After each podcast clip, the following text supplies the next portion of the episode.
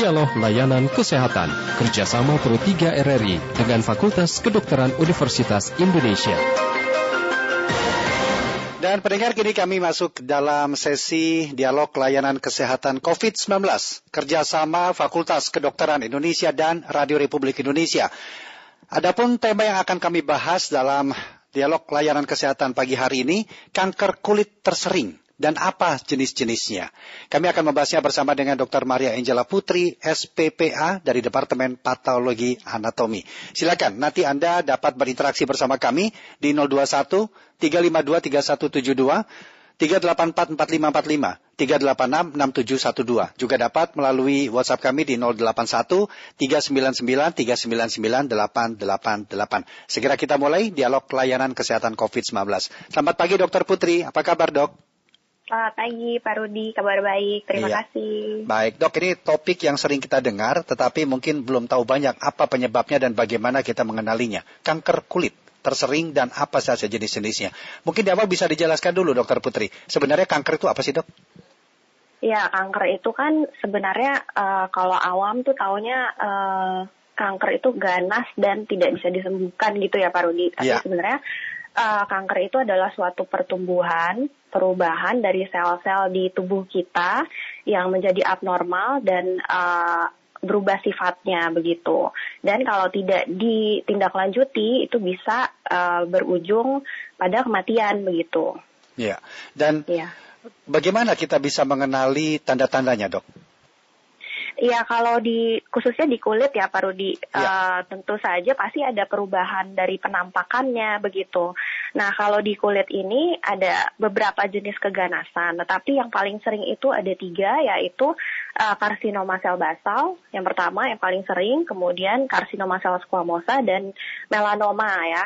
Nah ketiga uh, kanker ini uh, akan memperlihatkan uh, lesi di kulit khususnya yang area terpapar sinar matahari yang berlebihan gitu, misalnya di wajah, kemudian uh, di leher seperti itu dan uh, nanti penampakannya bisa seperti yeah. apa namanya benjolan yang tengahnya ada lukanya ya mm -hmm. seperti kalau di karsinoma sel basal tuh kita bisa bilang uh, ulkus roden ya jadi penampakannya tuh seperti kulit yang digigitin tikus gitu hmm. kemudian tapi benjolan itu dok ya Ya, be, uh, iya dia meninggi gitu ya, yeah. agak be, berbenjol gitu, tapi tengahnya ada lukanya uh -huh. seperti itu. Bisa juga dia kulitnya menebal, kemudian bersisik gitu, dan uh, bisa juga uh, tadinya seperti uh, tai lalat atau mole gitu. Uh -huh. nah, tapi nanti ada spesifikasinya lagi untuk kita bisa bilang itu suatu keganasan seperti yeah. itu, Pak Rudi. Dan ya. apakah tanda-tanda seperti itu kan bisa aja dianggap sebagai hal yang biasa? Itulah yang menyebabkan uh, masyarakat kita kurang memahami, dok. Bagaimana sebenarnya? Ya, kurang awas gitu ya. Iya, kalau di, kurang awas uh, lebih tepatnya. Hmm. Iya, hmm. memang begitu. Uh, tapi ada beberapa tanda sih yang khas yang bisa kita lihat dari misalnya suatu andeng-andeng atau tai lalat itu yang tadi saya sebut ya Pak Rudi. Ya. Itu kalau misalnya andeng-andeng normal itu kan biasanya bulat, kecil, hitamnya tidak terlalu legam seperti -hmm. itu ya. Tapi kalau kita sudah lihat ada tanda khusus nih, ada singkatannya Pak Rudi, A, B, C, D, E. -hmm. A itu kalau dia sudah asimetrik gitu ya, uh, sudah tidak sama sisi kanan kirinya itu sudah asimetrik itu uh, perlu was-was. Kemudian B, batasnya, bordernya sudah tidak rata lagi, irregular, hmm. itu juga mesti was-was. Yeah, yeah. Kemudian ada perubahan warna, misalnya warnanya sudah menjadi hitam legam atau warnanya tidak rata lagi. Yeah. Kemudian diameternya D, diameternya tuh sudah uh, kira-kira melebihi 6 mm. Mm-hmm. Nah, itu juga sudah mulai uh, was-was. Kemudian I itu untuk evolving atau bertambah besar. Hmm. Nah, itu adalah tanda-tanda yang khusus uh, kita lihat dari sebuah tai lalat atau mole itu untuk kita bisa uh, apa namanya uh, indikasi untuk ke dokter gitu. Iya. Sebenarnya penyebab awalnya ini apa, Dokter Putri ya? Iya, jadi dikatakan bahwa ke ketiga jenis ini uh, terkait dengan paparan sinar uh, UV yang berlebihan gitu Pak Rudi. Mm -hmm. Kan mm -hmm. seperti kita tahu sinar UV itu ada dua jenis ya ada UVA dan UVB. UVA ini yang uh, apa namanya berkaitan dengan aging. A, aging. Kalau B itu burning. Nah, uh, dikatakan bahwa UVB ini lebih berperan dalam uh, menyebabkan kanker gitu. Akan tetapi uh, ada penelitian sekarang juga yang mengatakan bahwa uh, UVA juga ikut berperan. Yeah. Jadi sebenarnya paparan sinar matahari aja gitu ya, mm-hmm. yang berlebihan itu dapat uh, memicu terjadinya uh, kanker ini. Gitu. Artinya bisa nggak di, dibahasakan secara awam mereka yang berpotensi adalah yang sering beraktivitas di luar? Benar sekali. Jadi ya? uh, oh ya pendengar yang apa namanya uh, individu yang bekerja di luar ruangan uh, terlebih pada jam-jam di mana mataharinya itu terik ya dan tidak ada misalnya uh, tidak ada pelindung seperti itu yang paling berpotensi untuk uh, menderita kanker ini gitu. Hmm, iya. Biasanya Bu, hmm. biasanya Dok itu yang uh, seperti apa kita bisa mengetahui paparan sinar matahari yang berpotensi seperti tadi atau yang cukup aman bagi tubuh kita? Hmm, jadi uh, kan kemarin ini sempat ada perdebatan antara uh, jam berapa sih sebaiknya kita ya. berjemur yeah. khususnya yang pas COVID itu ya Pak yeah, ya. Yeah. Nah, itu ada yang mengatakan bahwa di sebelum jam 10, ada yang mengatakan jam 10 sampai jam 3 gitu. Mm -hmm. Tapi ada penelitian yang mengatakan bahwa uh, untuk mendapatkan sinar uh, UVB yang yang uh, cukup bermanfaat untuk kita apa mendapatkan vitamin D tetapi juga aman untuk uh, kulit kita itu adalah jam-jam sebelum uh, jam 10 gitu, jam hmm. 9 gitu. Nah, dan juga uh, untuk berjemur atau uh, mendapatkan sinar matahari pada jam 9 itu uh, tidak perlu memakan waktu yang lama, lama sampai satu jam atau hmm. setengah jam gitu. Jadi cukup 5 sampai 15 menit aja itu udah cukup. Itu sudah sangat cukup ya dok ya?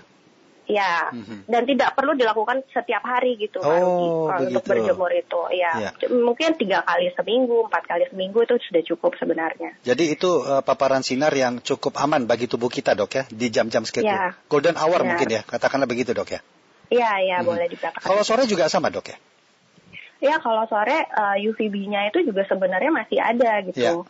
Yeah. Nah, tapi uh, mungkin tidak terlalu banyak seperti di jam 10 sampai jam 3 karena hmm. itu tergantung posisi kita di bumi juga gitu, tergantung dari kita dekat sama ekuator atau tidak seperti yeah, itu Pak yeah. Dan kita juga termasuk salah satu wilayah yang di, dilalui ya garis ekuator. Jadi cukup nah, untuk iya, diwaspadai berarti Dok ya. Iya. iya. Dok baik, ini kan uh, kanker kulit tersering dan apa jenis-jenisnya? Yang tersering itu yang seperti apa, Dok? Nah, yang paling tersering itu namanya karsinoma sel basal. Ini sering sekali terjadi. Karsino nah, bisa diulang, Dok? karsinoma. Karsinoma. Sel, sel basal. Sel basal, ya. Iya, jadi uh, ini karsinoma itu adalah uh, kalau kita bilang kanker itu sebenarnya karsinoma tuh Pak Rudi. Oke. Okay. Ya, nah ya. kemudian sel basal itu adalah uh, asalnya. Jadi di kulit itu kan terdiri atas tiga lapis. Mm -hmm tiga lapisan. Nah, lapisan yang paling atas epidermis itu disusun oleh beberapa sel, beberapa jenis sel. Mm-hmm. Nah, salah satu selnya itu adalah sel basal. Sel mm-hmm. basal ini kalau tadi saya bilang terkena paparan sinar matahari, terus kemudian uh, DNA-nya ada yang termutasi yeah. karena UV itu dia berubah berproliferasi atau berkembang biak menjadi tumor uh, karsinoma sel basal itu. Yeah. Gitu. Jadi ini yang paling banyak ditemui dok ini ya? Ya benar sekali. Ya, dan ini memang paparan uh, paparan sinar matahari yang tidak baik bagi tubuh kita tadi ya? Ya betul. Mm -hmm. Kemudian apakah ini atau ada lagi dok yang lain?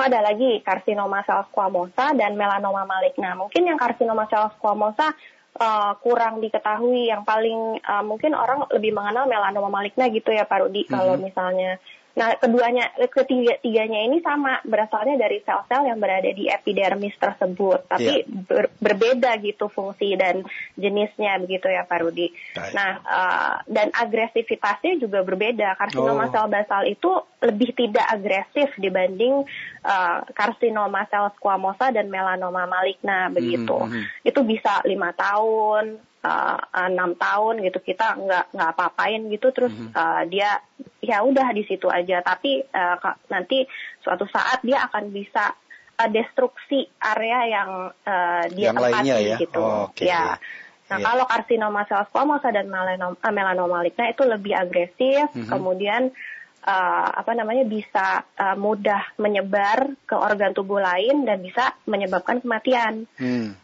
begitu. Tapi ketiganya ini kalau terdeteksi di awal itu uh, uh, apa namanya pencegahannya bisa ya? ah, kesempatan pasien untuk sembuh itu jauh lebih tinggi begitu. Oke, ya. Kita undang pendengar uh, Dokter Putri ya. Silakan pendengar ya, untuk Anda yang ingin dapat uh, ingin berpartisipasi, berinteraksi dengan narasumber kami Dokter Putri pagi hari ini silakan.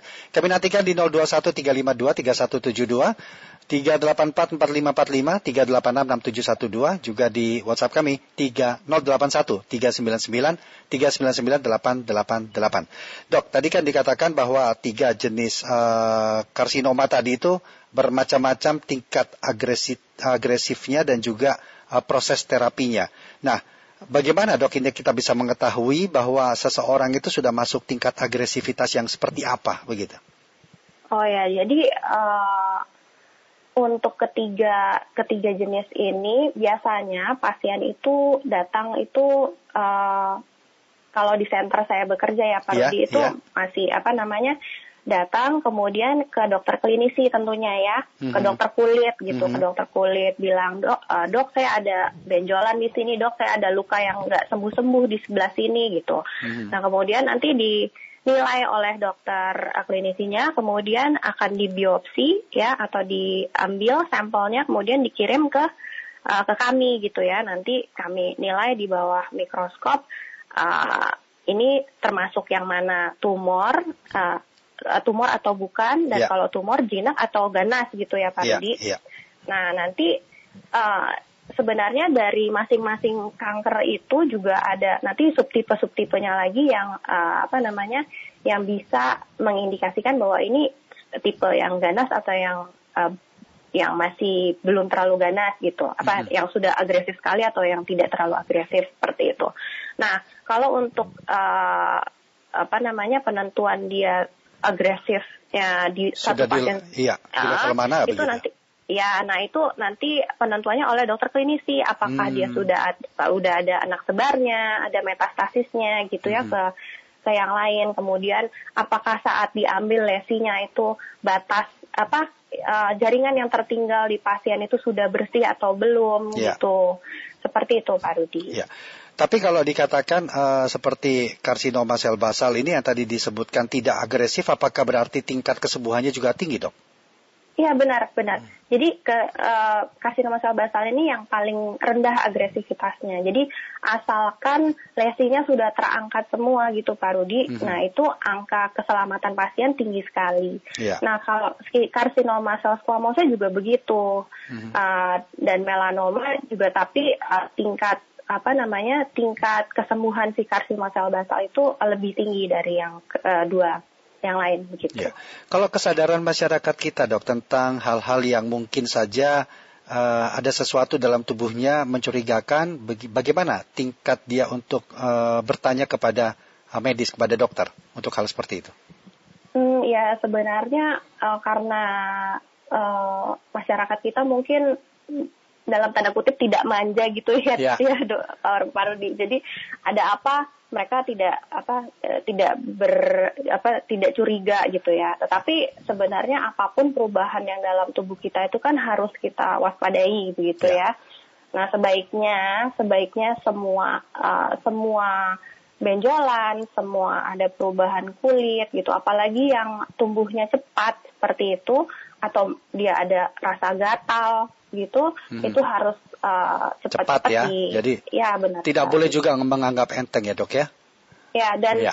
satu lagi Pak Rudi. Ya. Jadi apa namanya lesi lesi-lesi ini tuh mm-hmm. memang tadi saya katakan terkait oleh uh, sinar UV gitu ya. ya. Jadi kan kalau dipikir pasti area yang terpapar sinar matahari, tetapi pada kenyataannya ada juga tipe melanoma yang uh, dia tuh uh, apa namanya menyerangnya di telapak kaki gitu. Hmm. Nah itu banyak juga dan itu lebih banyak terkena pada orang-orang yang tidak berkulit putih. Jadi Baik. seperti ras kita begitu. Ya. Jadi apa area-area yang tersembunyi juga harus kita uh, lihat seperti ya. itu. Artinya ini adalah bagaimana kita bisa mengenali yang perubahan yang terjadi pada diri kita. Begitu dok ya intinya ya. ya. Dan cepat uh, lakukan konsultasi dan mencari tahu apa penyebabnya. Baik dokter Putri terima kasih banyak dok ya sudah berbincang dalam dialog layanan kesehatan COVID-19. Semoga apa yang disampaikan bermanfaat buat kita semua dok. Terima kasih dok. Terima kasih. Selamat beraktivitas, selamat pagi, salam sehat dokter Putri. Selamat pagi. Ya. Demikian tadi Dr. Maria Angela Putri SPPA dari Departemen Patologi Anatomi dalam dialog pelayanan kesehatan COVID-19 kerjasama FKUI dan RRI. Demikian dialog layanan kesehatan kerjasama Pro 3 RRI dengan Fakultas Kedokteran Universitas Indonesia. Acara ini bisa Anda dengarkan setiap Senin sampai dengan Jumat pukul 9.30 waktu Indonesia Barat.